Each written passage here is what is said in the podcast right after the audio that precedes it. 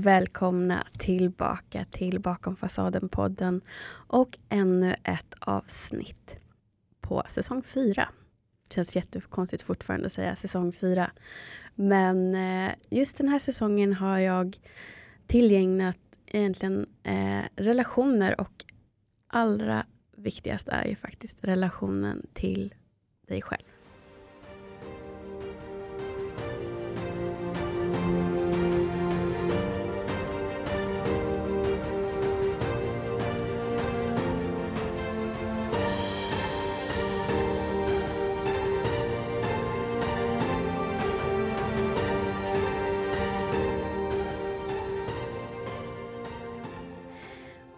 Idag så har jag en gäst som eh, ni tycker om. Det vet jag redan för att hon har varit med på den tidigare. Så därför säger jag helt enkelt välkommen tillbaka Ulrika. Tack så mycket. Härligt att vara här igen, det ska bli spännande. Ja, och eh, sist du var här så pratade ju vi eh, mycket om eh, ditt arbete också, hur du jobbar med klienter som eh, behöver läka och eh, även hypnos. Och lite går ju det här avsnittet också hand i hand med det. Men vi kommer också prata utifrån våra egna personliga erfarenheter. Mm. Och det är ju ett önskemål som kommer direkt från dig som lyssnar. Att vi ska prata mer om läkning. Det är ju ett stort och spännande ämne för att eh, egentligen det här med läkning det handlar ju om så mycket.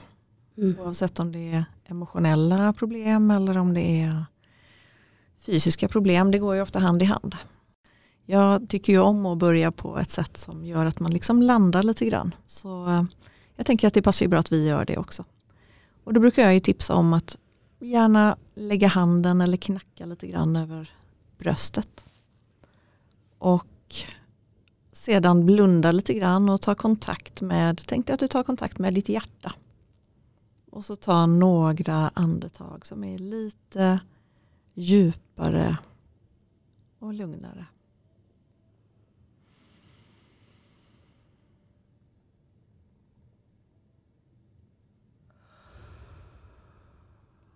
Och då kan man ju gärna andas ut genom munnen. Så in genom näsan. Gärna hålla andan lite grann och sedan ut genom munnen.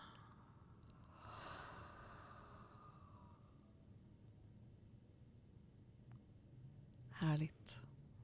Nu känner jag mig lugn i alla fall. Ja, jag också. Förra säsongen så pratade vi mycket om destruktiva relationer, om narcissistiska partners och eh, det har tillkommit både följare på Instagram och lyssnare för att jag tror att vi många, inklusive jag själv, som inte kände till det här. Mm. Det, ja, vi hade väl kanske hört talas om de öppna narcissisterna och vi eh, ja, hade sett bland annat, som jag brukar ta ett väldigt tydligt exempel, Donald Trump, hur hans framfart och hur oblivious de är, alltså hur, hur de inte förstår själva hur de framstår och bara kör över andra människor och eh, säger saker som är uppenbara lögner fast de verkar tro på det själva.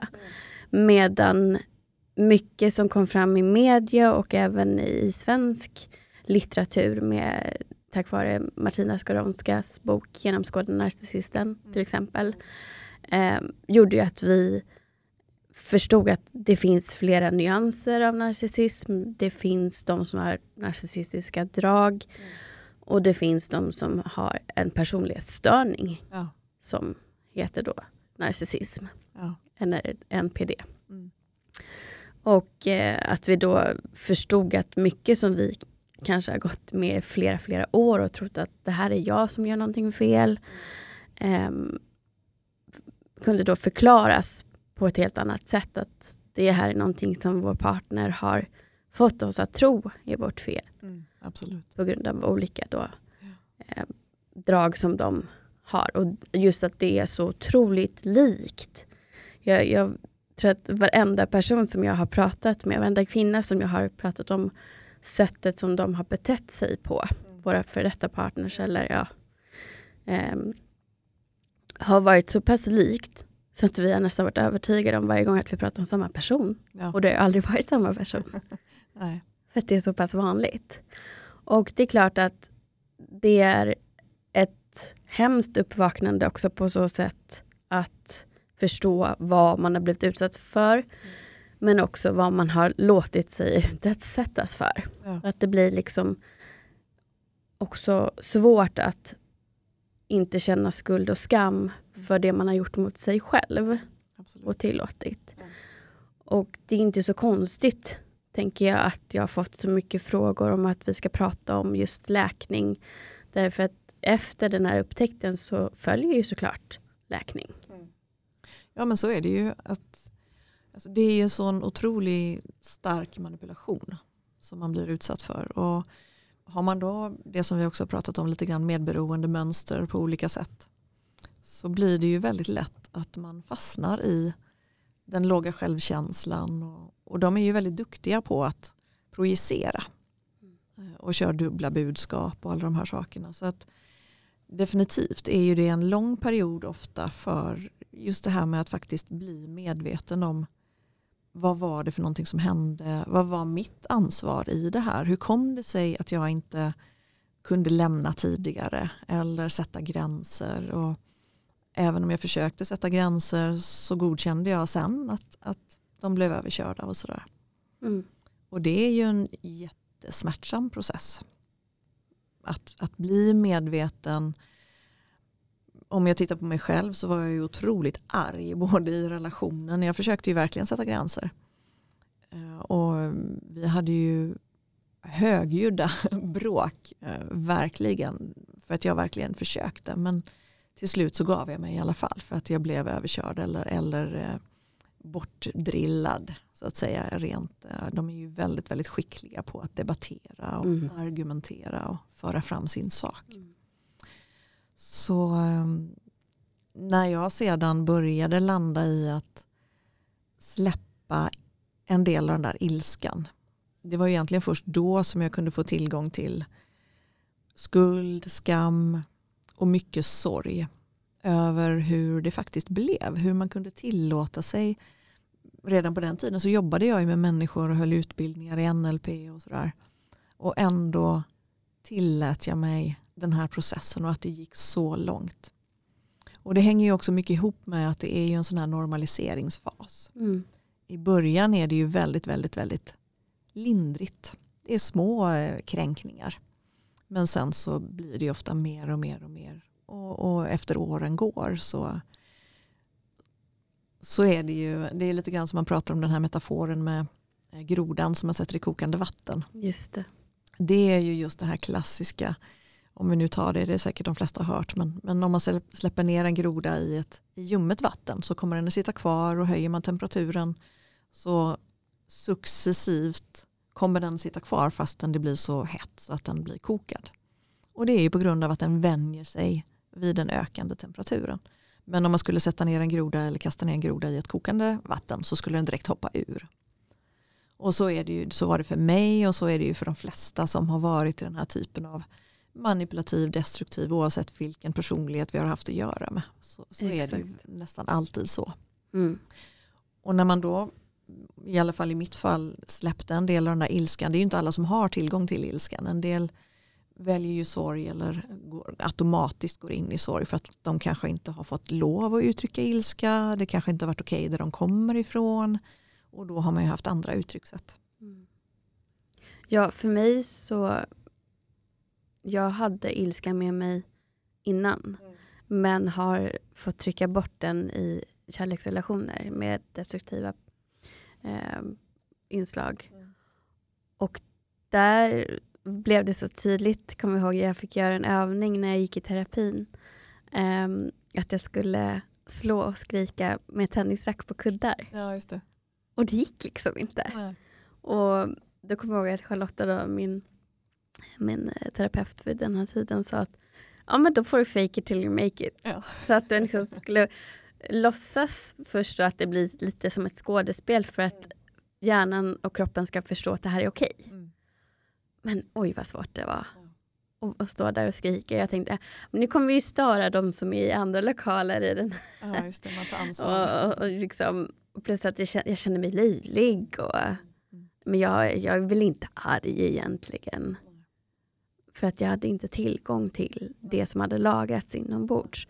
Men det är faktiskt så att lagrad ilska i kroppen skadar kroppen, Absolut. har forskning visat. Så idag är jag väldigt noga med att försöka släppa fram alla typer av känslor för att jag tycker det är så läskigt vad jag gör med kroppen om den lagras.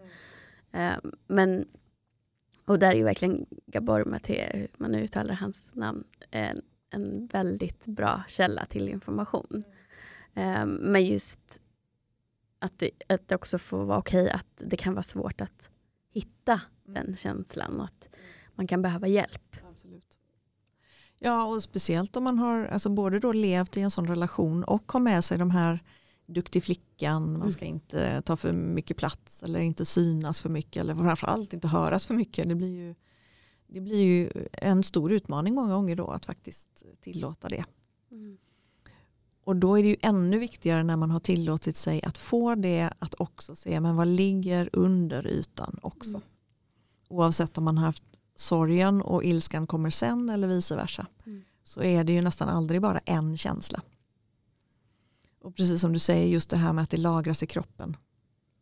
Det är ju när man varit utsatt för kränkningar eller ja, stora trauman eller långvariga destruktiva relationer så, så sitter det ju alltid i kroppen. Mm. Och apropå det här med läkning så, så är ju det en jätteviktig del att tillåta sig att känna känslan. När man kommer till mig till exempel så, ja du vet ju på första sessionen så har jag ju allt, väldigt ofta, inte, jag ska inte säga alltid, men väldigt ofta kommer man ju tillbaka till inre barnet. Mm. Det här, vad var det som gick lite snett när jag var barn? Och det behöver ju inte vara några stora grejer, men det var någonting som skapade mönster. Men sedan så kan det ju vara så att ja, men jag vet att det var ett övergrepp eller en sak sådär. Men det behöver inte vara det som är hela sanningen. Nej. Utan se, okej men det har funnits saker och ting som jag nu behöver titta på.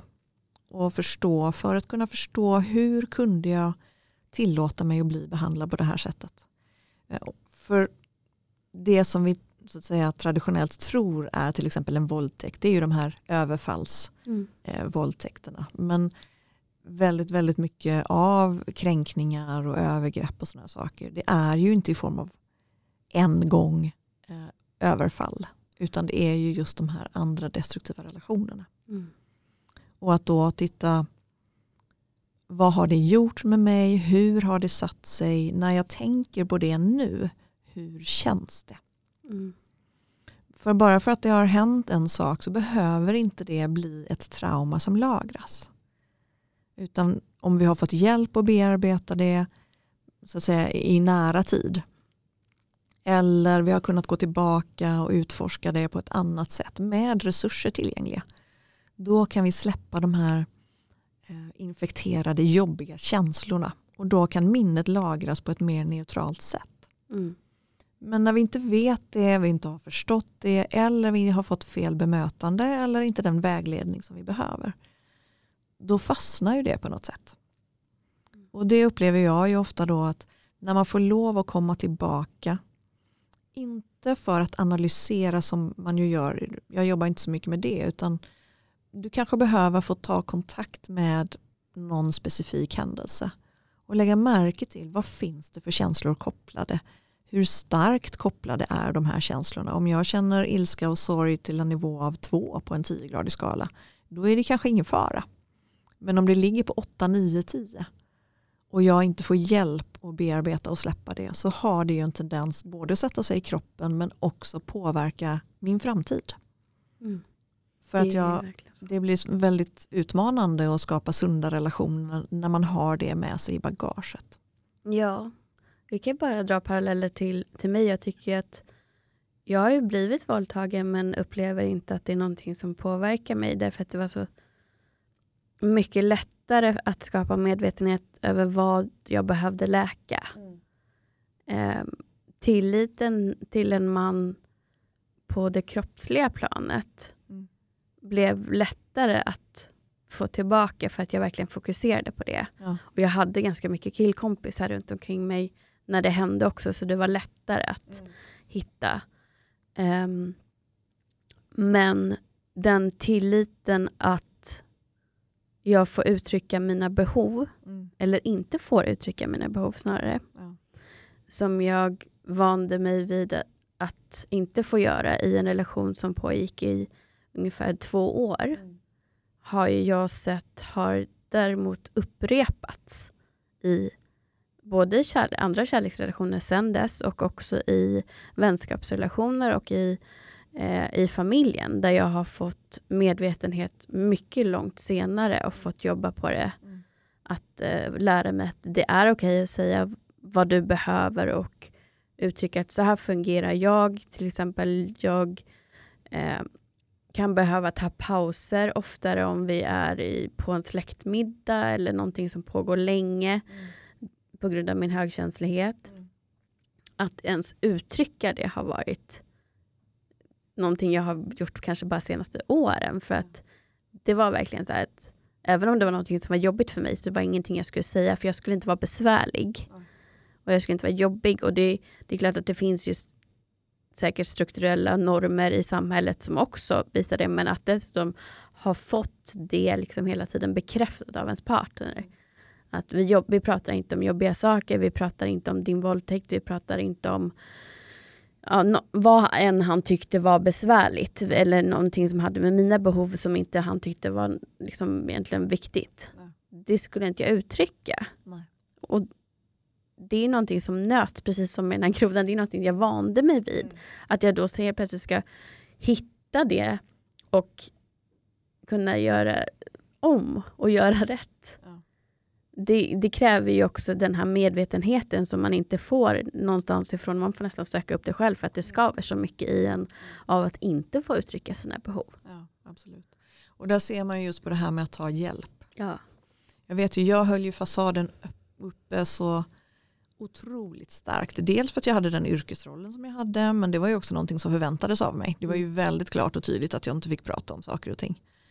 Och när jag väl hade kommit till den punkten att nej, det finns ingen återvändo, det kommer inte bli vi, du måste ut härifrån och så vidare.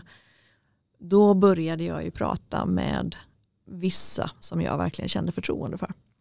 Och just det här med att det finns någon som lyssnar utan att döma. För åtminstone i mitt fall var det ju så eftersom jag inte hade fått prata under alla de där åren. När jag väl började prata så hade jag ju jättestort behov av att faktiskt få prata och älta och vända ut och in och fram och tillbaka och, och sådär. Mm. För att dels få tillgång till vad det var som hade inträffat, vad jag hade blivit utsatt för och bli medveten på det sättet. Och om man då inte har förmånen av att ha människor som faktiskt kan vara den personen som lyssnar och bekräftar utan att döma, kanske ställer frågor men inte är ifrågasättande. Det är ju otroligt viktigt just i den här medvetandefasen. Och har man inte det så att man söker upp någon terapeut eller coach eller vad det nu kan vara. Det kan man ju få på olika sätt. Och sen kanske inte det blir den som är den rätta för att hjälpa dig hela vägen. Men det kanske åtminstone kan vara det första steget. Mm. Och nu för tiden finns det ju många olika varianter att söka sig till. Så att, att man provar tills man känner att men det här, här har jag någon som jag har förtroende för. För det är ju helt avgörande. Mm. Det spelar ingen roll hur bra terapeut du har eller hur många metoder man kan.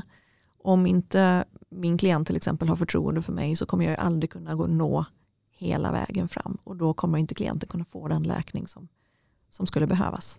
Mm. Det jag har hört mycket är att det behövs fler traumainformerade terapeuter generellt. Mm. Och det tänker jag är en fråga man kan ställa initialt innan man väljer att ens gå dit på ett prova på-samtal. Ja, Att ha, kan du kunsk- eh, liksom om trauma, har du den kunskapen? Mm. För att även om en person har en utbildning så betyder inte det att de vet hur man ska hantera just trauma. Nej. Och är du själv ens osäker på, som man är, var det här eh, verkligen ett trauma? Nej men det kanske inte var så farligt. Mm. För det är ju det du blivit matad med. Mm. Då behöver du ju verkligen någon som vet hur man når fram och skapar medvetenheten mm. på ett varsamt sätt. Ja, absolut.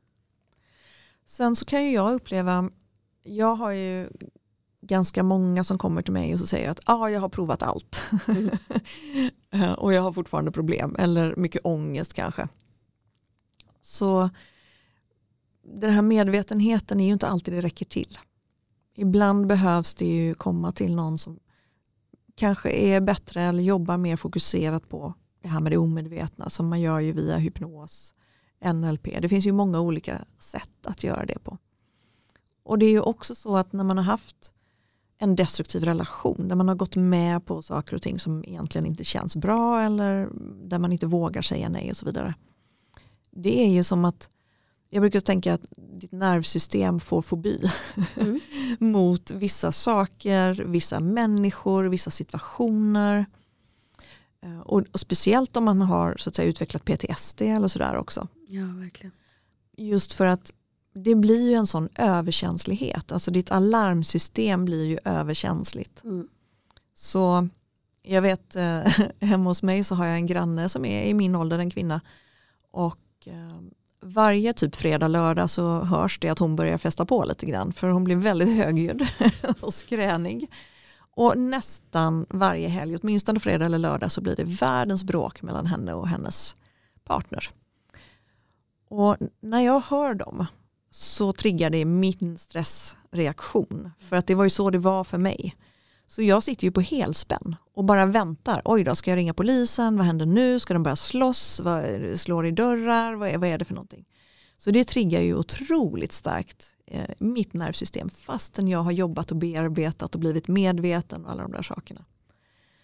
Det som är skillnaden är att jag blir inte rädd för min reaktion.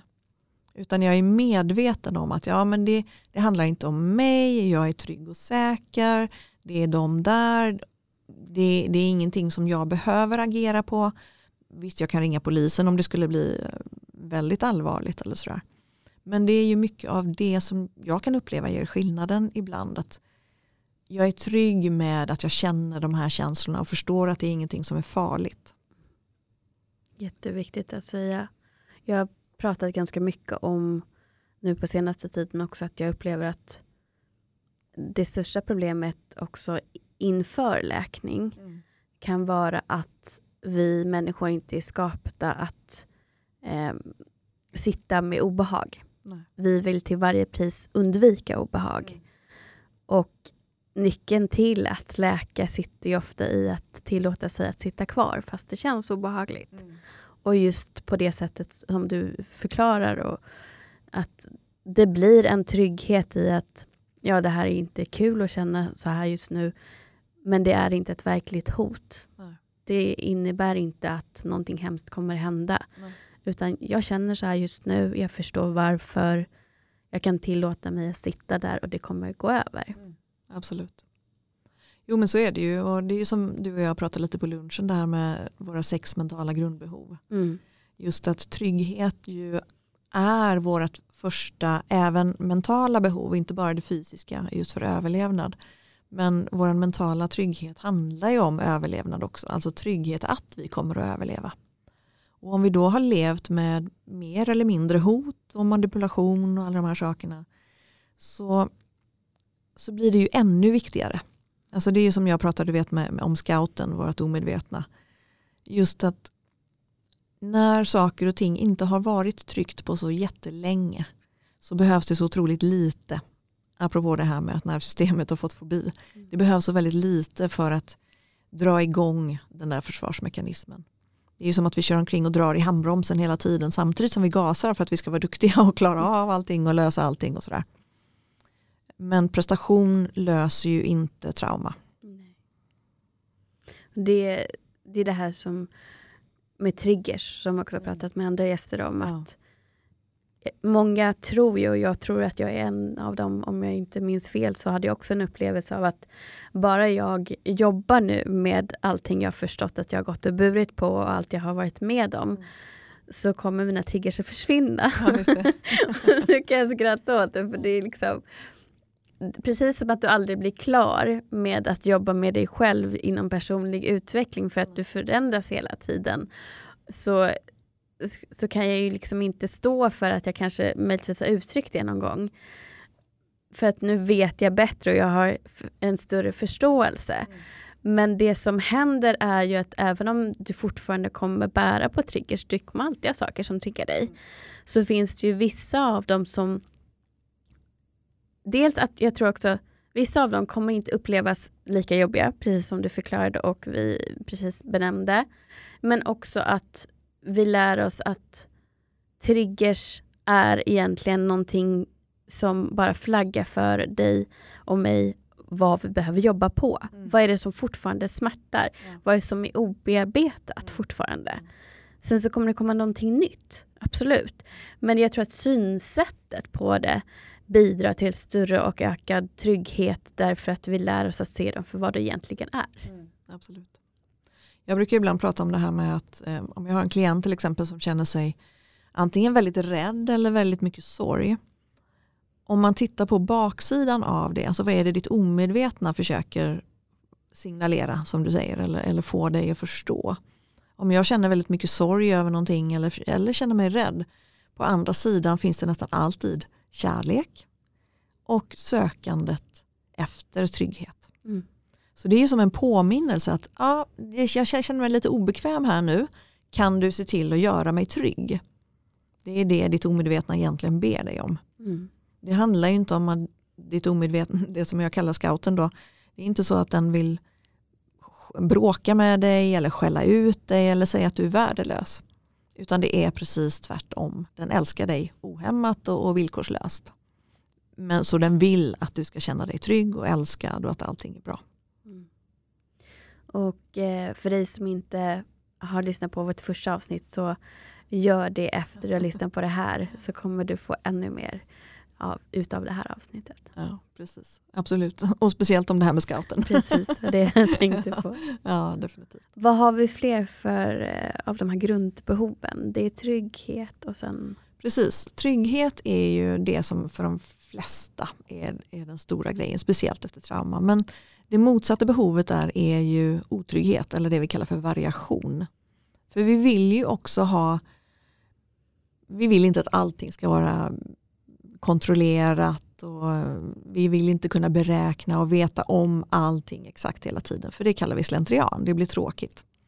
Så vi behöver ju båda dem, men i balans. Mm. Och det är ju också väldigt individuellt. Vad som betyder trygghet och vad jag tycker är okej för variation. Det kommer ju vara unikt för mig. För dig kommer det vara en annan sak.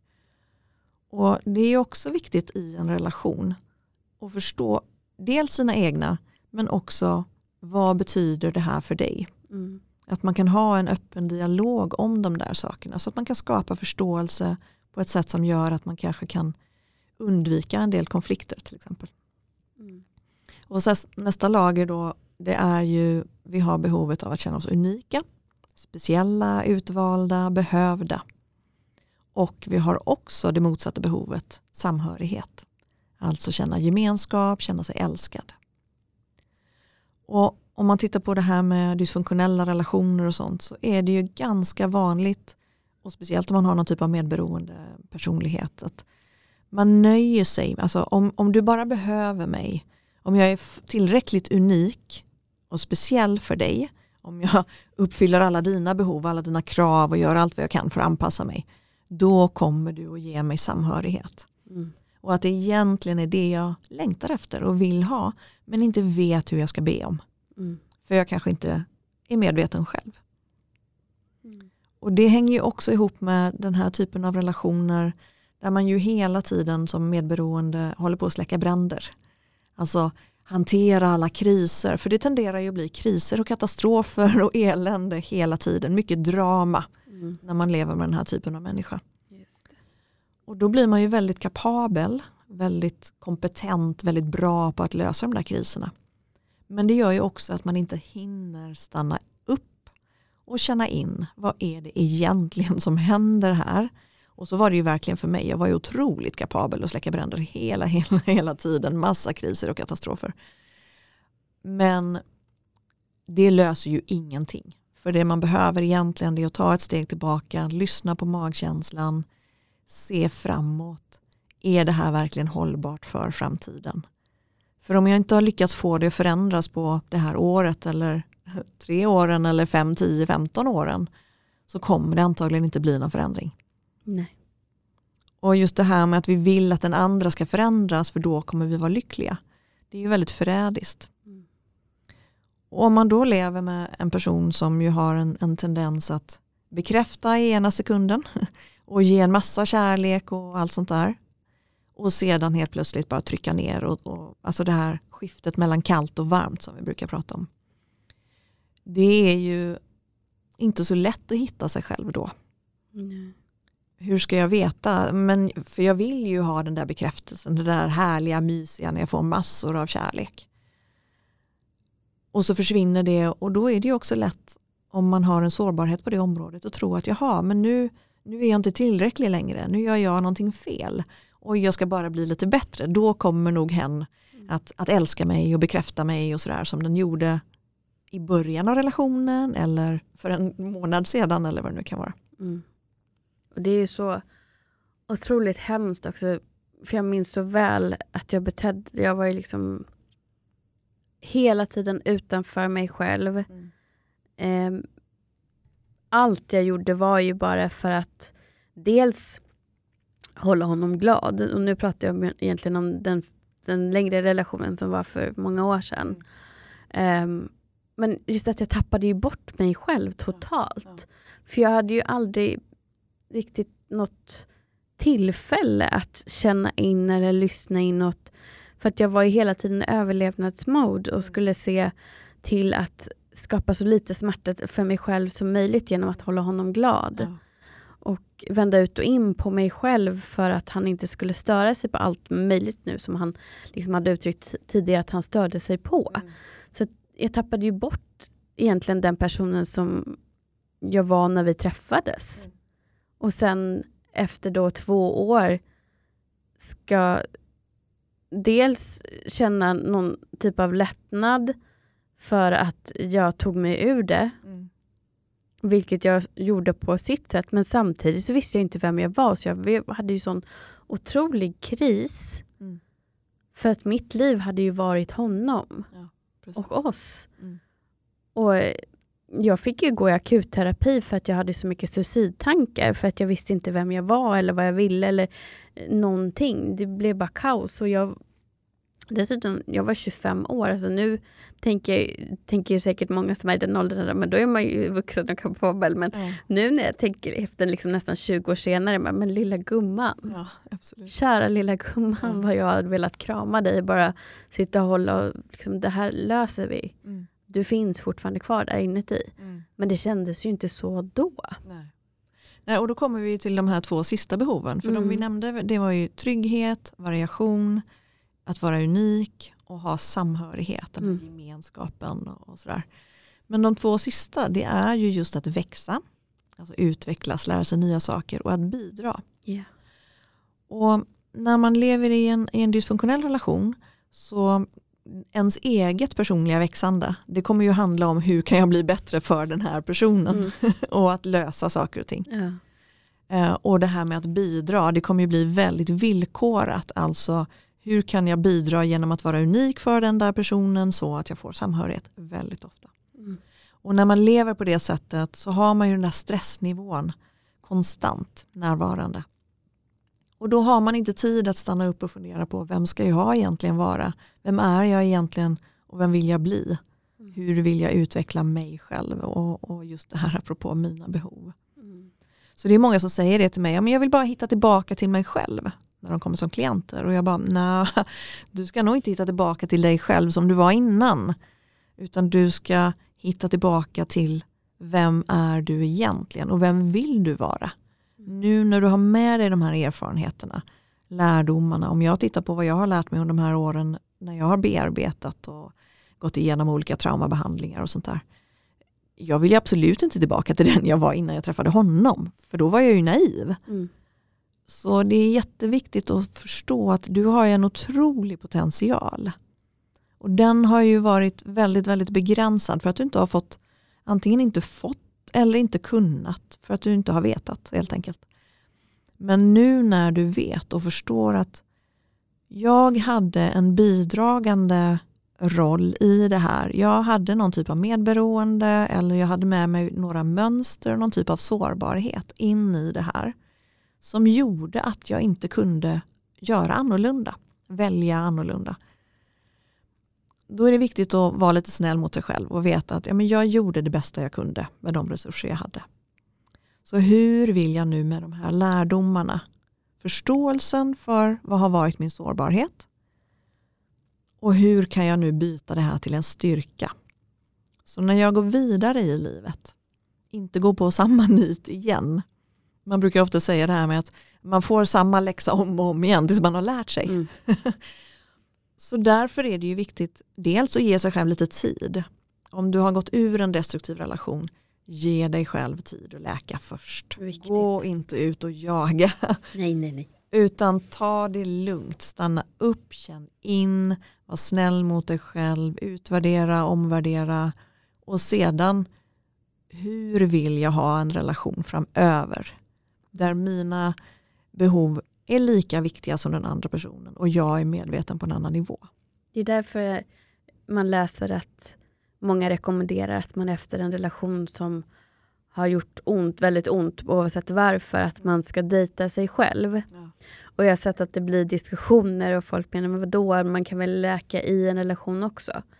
Och det kan man ju till en viss del, men det beror ju på lite vad man pratar om och vad det är man ska läka. Och jag tror att man alltid får fram fler, fördelar av att dejta sig själv efter en relation oavsett hur den har sett ut. Därför att då får du tid också att utvärdera vad vilka egenskaper, och nu utgår jag ifrån att du bara kan förändra dig själv och det är det du ska fokusera på. Eh, att man tar med sig att, okej, okay, vilka egenskaper eller vilka mönster snarare mm. i mig har gjort att jag har hamnat i en relation eller en situation i relationen som har gjort mig illa. Mm. Det behöver jag alltså jobba på, men vilka egenskaper tycker jag om och vad vill jag absolut lyfta fram och kanske ge mer utrymme till. Mm. Att jag tänker att när folk uttrycker att de vill hitta tillbaka till sig själva så tänker man på kanske en glädje som har blivit mm. tillbakatryckt eller en lekfullhet mm. som inte har tillåtits. Mm. Ett uttryck av sina behov eller spontanitet bara få vara utan att tänka hela tiden på hur man är eller hur man uppfattas av andra människor. Mm. Att det är det man vill komma tillbaka till. Absolut. Som egentligen kommer från ett barns verklighet. Att det är så långt bak man längtar. Mm. Innan man ens började bli medveten om vad andra människor tyckte eh, om en. Och det är ganska långt tillbaka i, i åldern. För jag menar, det är redan i skolan som folk börjar åsikter på hur man är. Mm. Eller kanske egentligen tidigare. Men jag tänker bara att ha den här medvetenheten om att till exempel om vi ska gå tillbaka till min första relation när jag kände att jag var verkligen superkär på riktigt. Mm. Så skulle jag ju vilja fortfarande ha med mig att vi hade otroligt roligt ihop. Mm. Vi kunde prata om allt. Vi var bra kompisar, vi gick ut och dansade, vi kunde umgås med både hans kompisar och mina kompisar och alla kom överens. Vi var båda sådana personer som var lätt att släppa in nya människor och komma överens med många personer bara genom de vi är. Mm. Eh, men jag skulle inte vilja ta med mig att jag fortfarande hade ett behov av att säga åt honom hur han skulle förändra sitt liv för att det skulle bli bättre. Mm. Att jag skulle fixa saker som jag ansåg var trasiga. Mm. För det är inte mitt ansvar och jag har ingenting där att göra. Nej. Och det är sånt som jag har fått jobba med nu senare också. Mm. För det har hängt kvar. Mm. Så att, att jag tänker att skapa medvetenhet kring vem man är längst in den här autenticiteten ska få utrymme. Men alla nyanser ska lyftas fram och man ska fundera över vad tjänar mig och vad vill jag lämna. Mm, absolut. Det är just eh, när jag har klienter som kommer till mig och, och, har mycket ångest. Och det hänger ju ofta ihop med någon typ av trauma eller eh, ja, någon situation, livssituation eller sådär. Och då brukar de säga att ja, jag vill bara känna mig lugn. Mm. Jag vill bara känna lugn. Och jag tror ju inte på det riktigt. Men, men jag, jag förstår ju att det är det man längtar efter när man känner sig rädd. För det är ju ångest, det är ju en rädsla. Men sen när man börjar skrapa på ytan och de börjar ta kontakt med sina känslor och, och gå in igenom och undersöka ångesten så är det ju inte egentligen lugn utan lugn är en platå. Det man söker egentligen är ju den där livslusten, friheten, glädjen, spontaniteten, det som du pratar om. För det på något sätt är ju kärnan i den vi är. Mm. Och det går ju tillbaka till den här eh, barnsliga nyfikenheten och eh, livet. För det är ju det som är att leva egentligen. Att njuta av det som finns. Vår, oss själva och vår omgivning och naturen och våra kroppar. Allt och sånt där. Det är egentligen den här barnsliga nyfikenheten som, eh, som vi saknar när vi har behövt trycka ner det. Är det inte också att leva i nuet, det här som barn är så otroligt bra på, mm. som vi tappar? Ja, närvaro. För, ja, för att jag tänker att jag har inte upplevt ångest i stort sett alls eh, sen jag började försöka medvetet vara i nuet mm.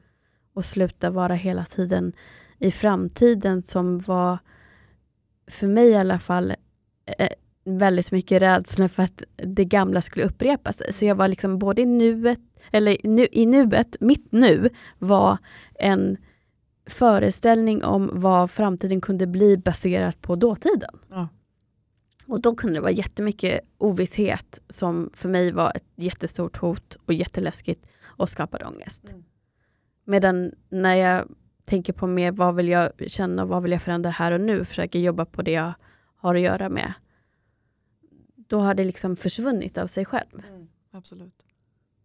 Så att, att vara i nuet och det här närvaron och bara glädjen som du beskriver som barnet har. Ja, absolut. Visst är det så. Ja, det, det är mycket att kanske tänka på men att just kanske gå tillbaka också till det som vi pratar om precis nu och lyssna flera gånger på mm. grundbehoven. Mm. Tänka efter vilka av dem resonerar mest. Och det finns ju också ett avsnitt som jag har kört i repris med Desiree Rova där vi också går in lite mer djupare mm. på vilka de här grundbehoven är och det finns mm. test att göra. Mm, absolut. För att det, det hänger ju ihop med att läka och lära känna sig själv och kanske dejta sig själv och ingen annan. Mm. Just för att hitta vad kan jag göra för att jag ska må som bäst? Ja, Vilka verktyg behöver just jag? Ja. Vilka behov har just jag? Ja. Och jag tänker också det här med alltså vad man kan göra själv. För det finns ju massa olika metoder man kan gå på för min egen del så jobbar jag med NLP och hypnos och för mig, det ligger ju mig varmt om hjärtat. Men jag använder ju till exempel EFT, tapping ibland med både för mig själv och, och klienter då och då. Det finns ju något som heter havening som är fantastiskt. Det Vad är det för något? Havening det är en kombination av fysisk beröring där man får klappa sig själv på armarna och så vägleds man och så gör man ögonrörelser, det här med EMDR. Mm, som är också en, en väldigt specifik trauma behandling. Vi har, eh, vad tänkte jag nu på, IFS, interna familjesystemterapi. Det finns något som heter Sedona method. Så att det finns ju ganska många olika metoder som man kan göra. Och jag brukar ofta rekommendera mina klienter också eftersom vi pratar om det att det sitter mycket i kroppen, i nervsystemet som är stressat. Och när det är det, alltså för att läka, så behöver vi hitta avslappning. Alltså våran kropp behöver få gå in i tillstånd av läk läkning för att vara mottaglig för läkning. Så just det här med att inte bara söka medvetenhet och förståelse och, och eh, spendera allt för mycket tid på oh, nu ska jag lära mig allt om narcissister till exempel. Mm. För då blir det lätt att man fastnar också i det. Alltså yeah. Man behöver en viss förståelse och det kan göra det lättare för en själv. Men också att gå därifrån och titta på men hur kan jag applicera det här och vad kan jag göra för att må bra. Gå iväg på massage, gör yoga, gå bubbelbada eller dansa för dig själv. De där sakerna som, skapar lite mer tillgång till den där, vem du egentligen är, den här livslusten och välmåendet i kroppen. För efter den typen av relation, du har alltid för hög stressnivå. Mm. Och om man som jag har levt i många år på det sättet, jag blev ju utmattad när jag väl hade fått ur honom ur lägenheten, då kom ju allting ikapp. Mm. Så då gick jag ju in i väggen. När jag egentligen tyckte att, ja men hallå, nu är jag ju fri, nu ska jag ju bara ut och leva livet. Men det gick ju inte alls, då kraschade jag ju. Mm. Så det är viktigt att vara lite snäll mot sig själv där också och komma ihåg att du har lekt, levt hårt eh, och ansträngt med den där handbromsen krampaktigt och kämpat nästan för ditt liv och kanske i vissa fall faktiskt för ditt liv. Mm. Då behöver man stanna upp, känn in, ta hand om kroppen och, och vara lite snäll där också. Ja, man kan väl också sä- säga så att man kan kombinera Mm. ehm, sina behov av att kanske först skapa medvetenhet. Mm. Jag tror för oss allra flesta så är det första steget att man vill bara lära sig allt om narcissism Ja, för att förstå vad det är som har hänt. Mm. Men också som du säger, det är jätteviktigt att inte fastna där. Mm.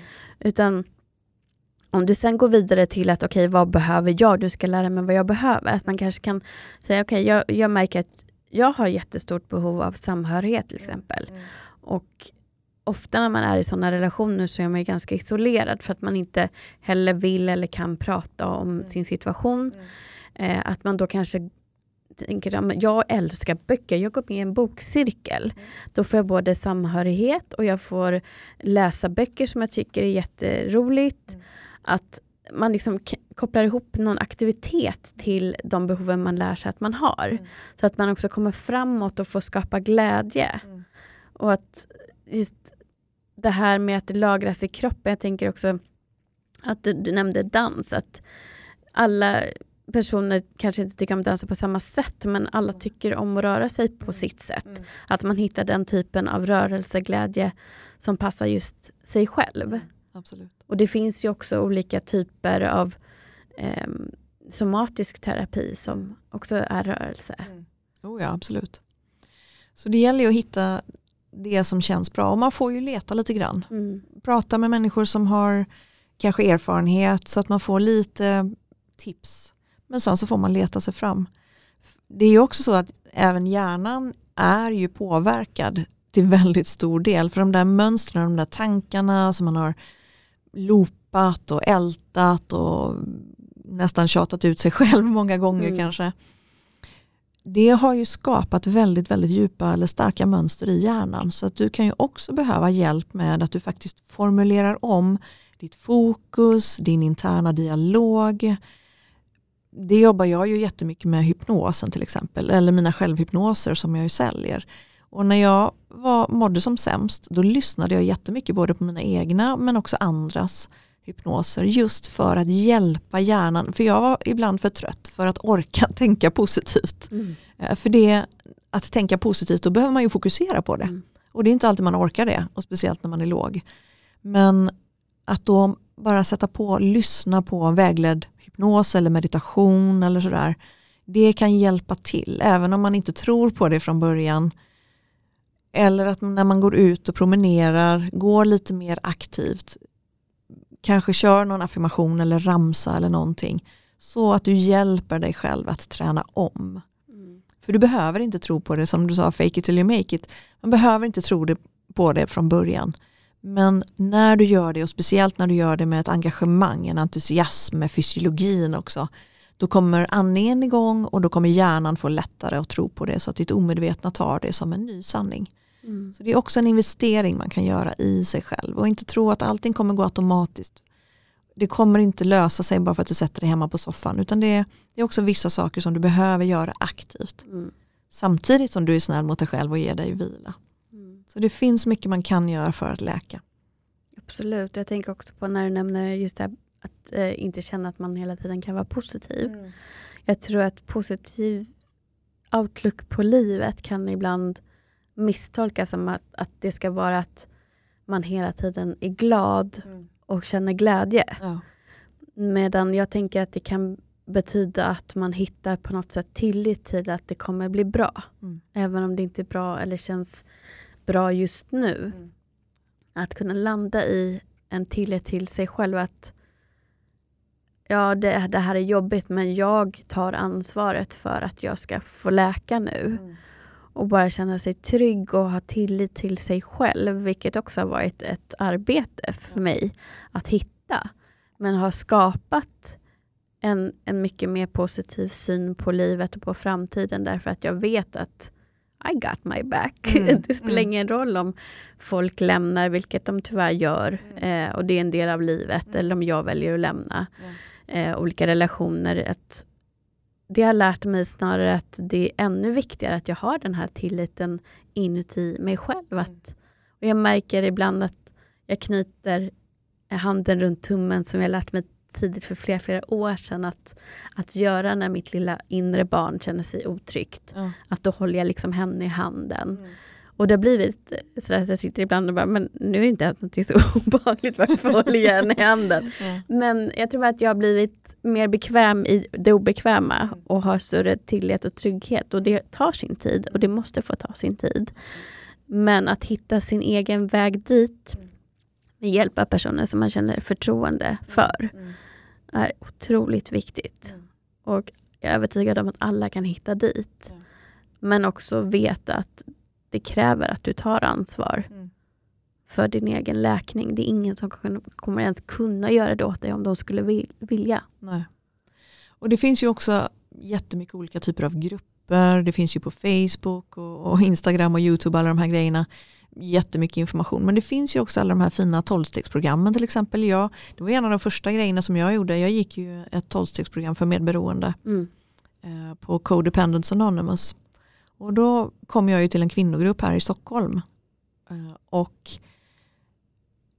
jag satt ju där och verkligen för första gången bröt ihop och grät och grät och grät eh, när jag delade. Och jag bara såg kärlek. Mm. För mig var det så otroligt läkande. Mm.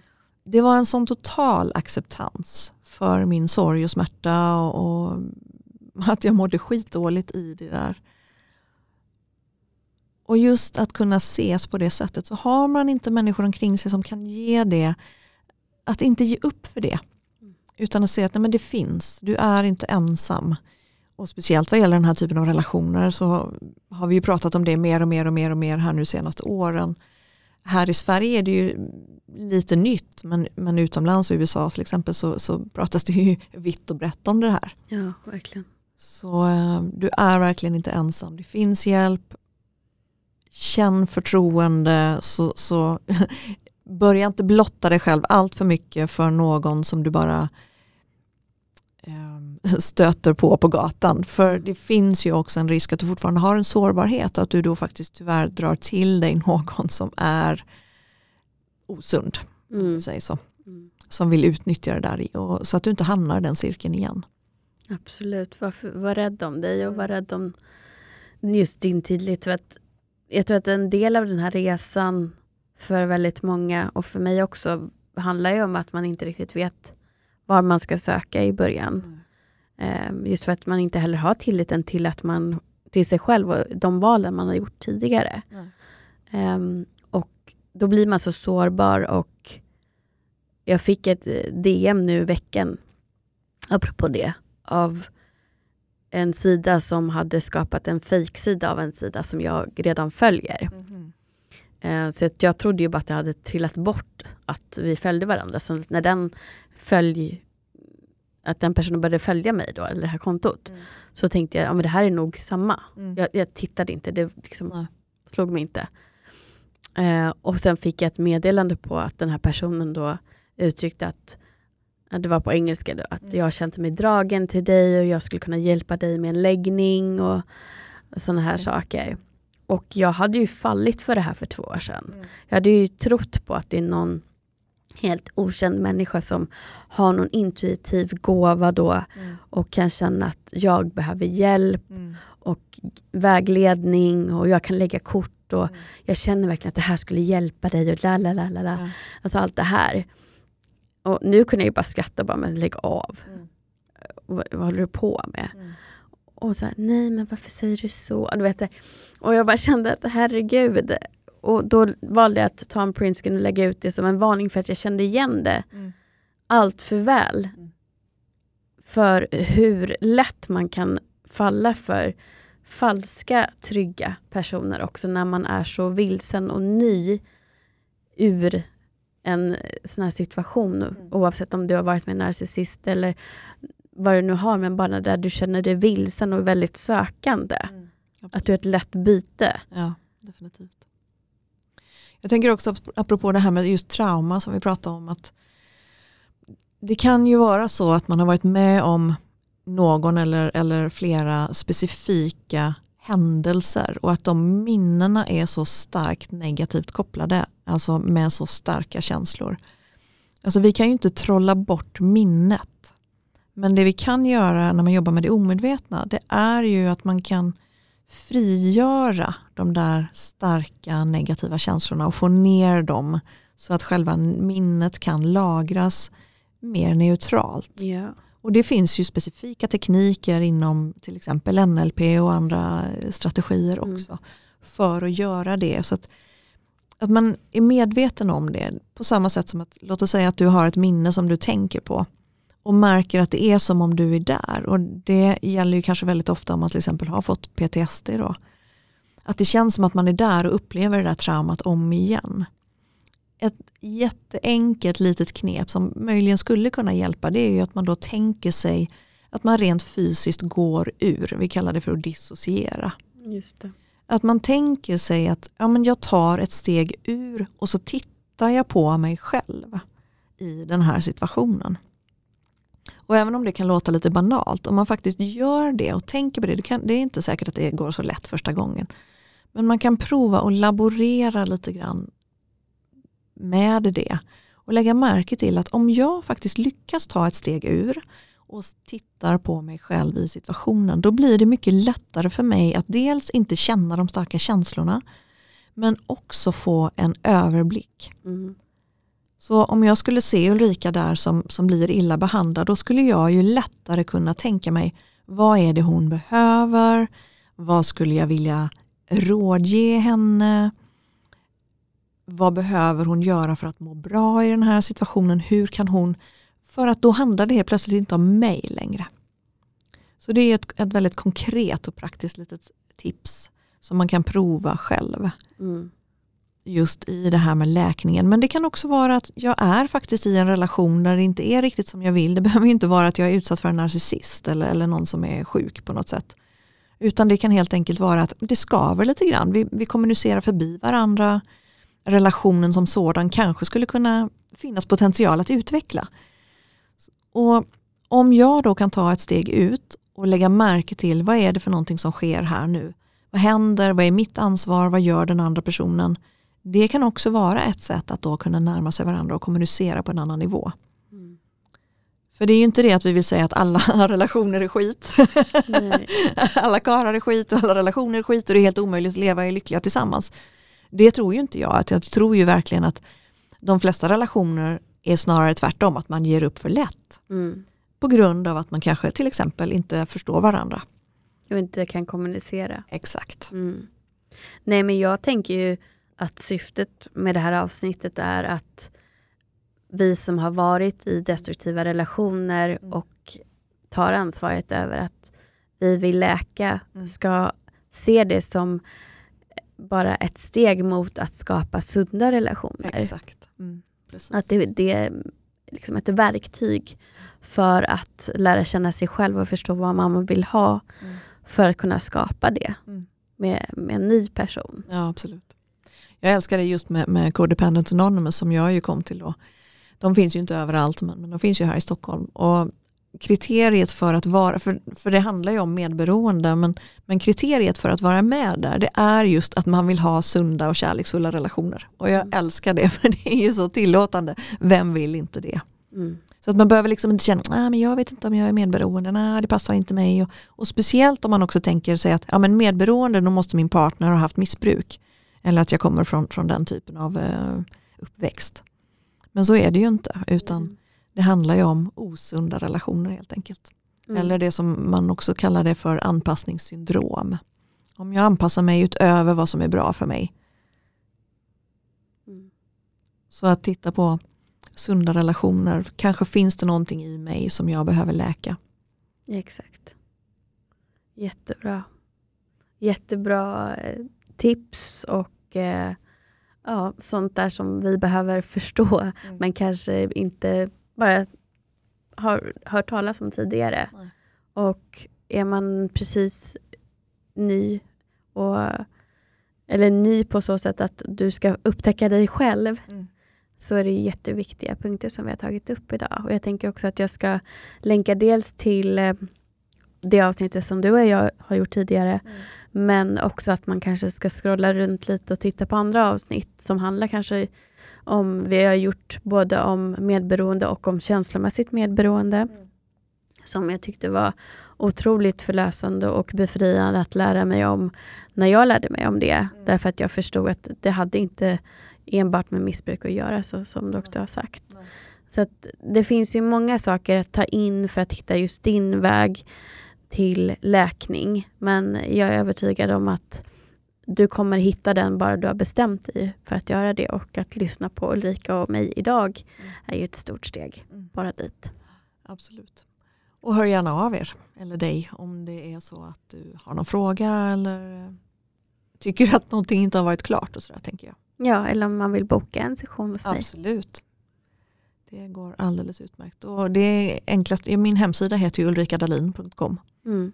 Där finns ju både kopplingar till Instagram och mail och telefon och allt sånt där. Precis.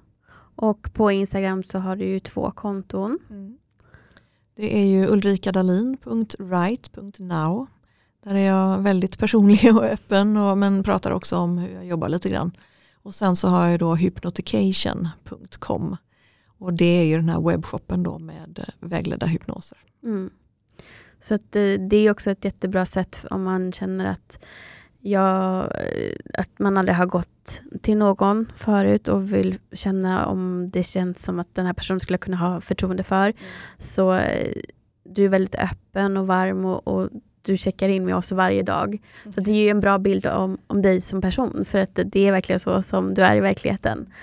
Så det tycker jag till dig som är liksom lite vilse kanske men samtidigt känner ett, ett stort behov av att hitta någon att prata med och få hjälp framåt. För framåt ska vi och eh, framåt i den här säsongen så kommer vi också prata mycket mer om just relationer och sunda relationer och kärlek. Så att, eh, jag hoppas att du som lyssnar idag har fått mycket att ta med dig men också fortsätter att lyssna vidare på den här säsongen och också titta på gamla avsnitt och lyssnar om det är någonting som passar in dig just där du är här och nu. Härligt. Det finns ju så mycket. Det gör ju det. Tack återigen Ulrika för att du har varit här och gästat och eh, hjälpt mig att framföra det här syftet som jag har. Och eh, tack för att du har gjort arbetet med dig själv som du kan dela med dig av. Tusen tack, det var härligt att vara här och tack till dig som lyssnar också. Tills vi hörs igen, ta hand om dig.